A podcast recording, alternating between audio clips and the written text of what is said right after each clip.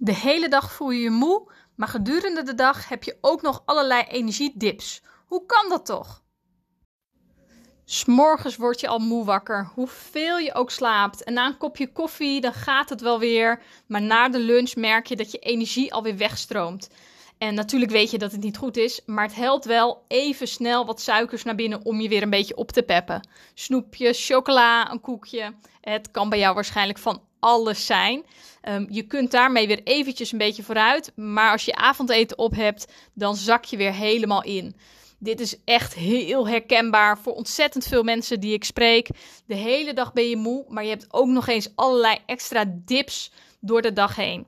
Nou, ik kan je vertellen dat heeft alles met jouw voeding te maken. Zeker als jouw dagelijkse maaltijden vooral bestaan uit bakjes yoghurt, boterhammen en s'avonds een bord met aardappelvlees, groenten, pasta of een rijstgerecht. Uh, en die zoete dingen tussendoor. Dan is het geen wonder dat jij deze energiedips hebt. Um, want jouw bloedsuikerspiegel die is niet stabiel. En als die niet stabiel is, dan krijg je dus die energiedips. Want op het moment dat jij even iets suikerrijks eet of iets met snelle koolhydraten, dan gaat jouw bloedsuikerspiegel omhoog. En jij voelt daardoor even een beetje een oppepper. Je voelt je iets energieker, iets beter, ietsje minder moe. Maar gevolg is altijd van zo'n piekende bloedsuikerspiegel dat die ook weer gaat dippen. En daar zit het probleem.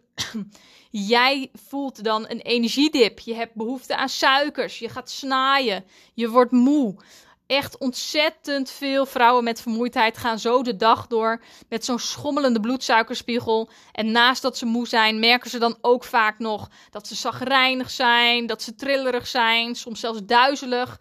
En als je iets eet, dan gaat dat weer weg. Zo'n instabiele bloedsuikerspiegel zie ik echt bij bijna 100% van de vrouwen waar ik mee werk.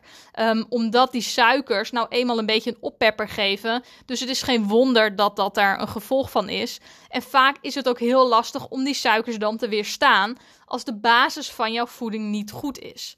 Het kan ook zijn dat er iets anders aan de hand is op het gebied van voeding. En dat is dat je misschien voedselintoleranties hebt. Waar je mij waarschijnlijk al vaker over hebt gehoord als jij uh, podcasts van mij luistert. Jouw immuunsysteem ziet dan sommige in, uh, voeding als een indringer. En het aanpakken van een indringer kost altijd energie. Um, heel veel mensen met een intolerantie merken dat, dat ze na de lunch, als ze iets daarbij hebben gegeten waar ze intolerant voor zijn, een paar uur later langzaam zakt de energie weg. Uh, of na het avondeten, vaak na pasta maaltijden bijvoorbeeld, zakt de energie helemaal langzaam weg.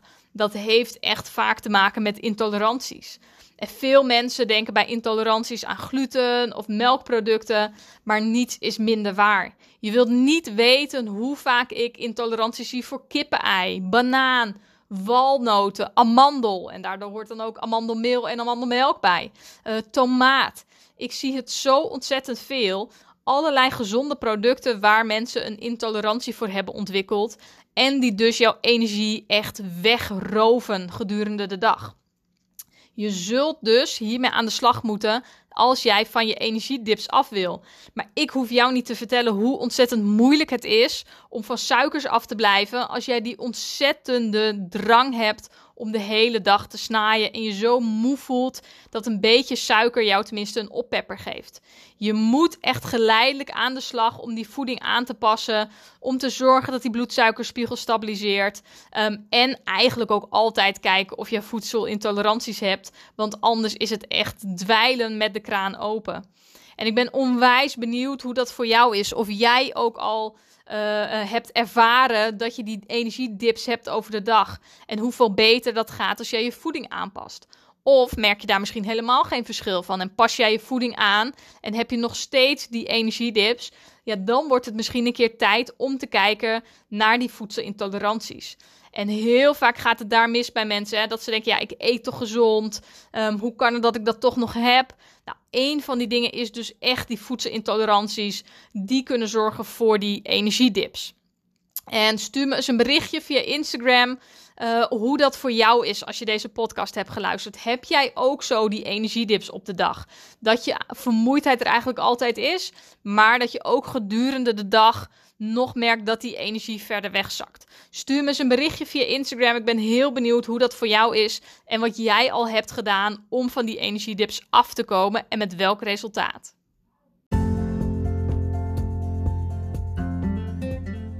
Super dat je luistert naar de Meer Energie Podcast. De podcast voor jonge vrouwen die zonder duidelijke oorzaak al jarenlang moe zijn.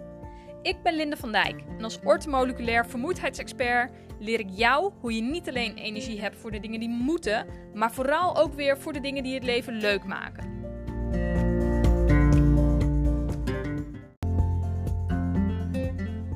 Super tof dat je naar deze podcast hebt geluisterd. Ik hoop dat ik je heb kunnen inspireren en tips met je kunnen, heb kunnen delen tegen jouw vermoeidheid.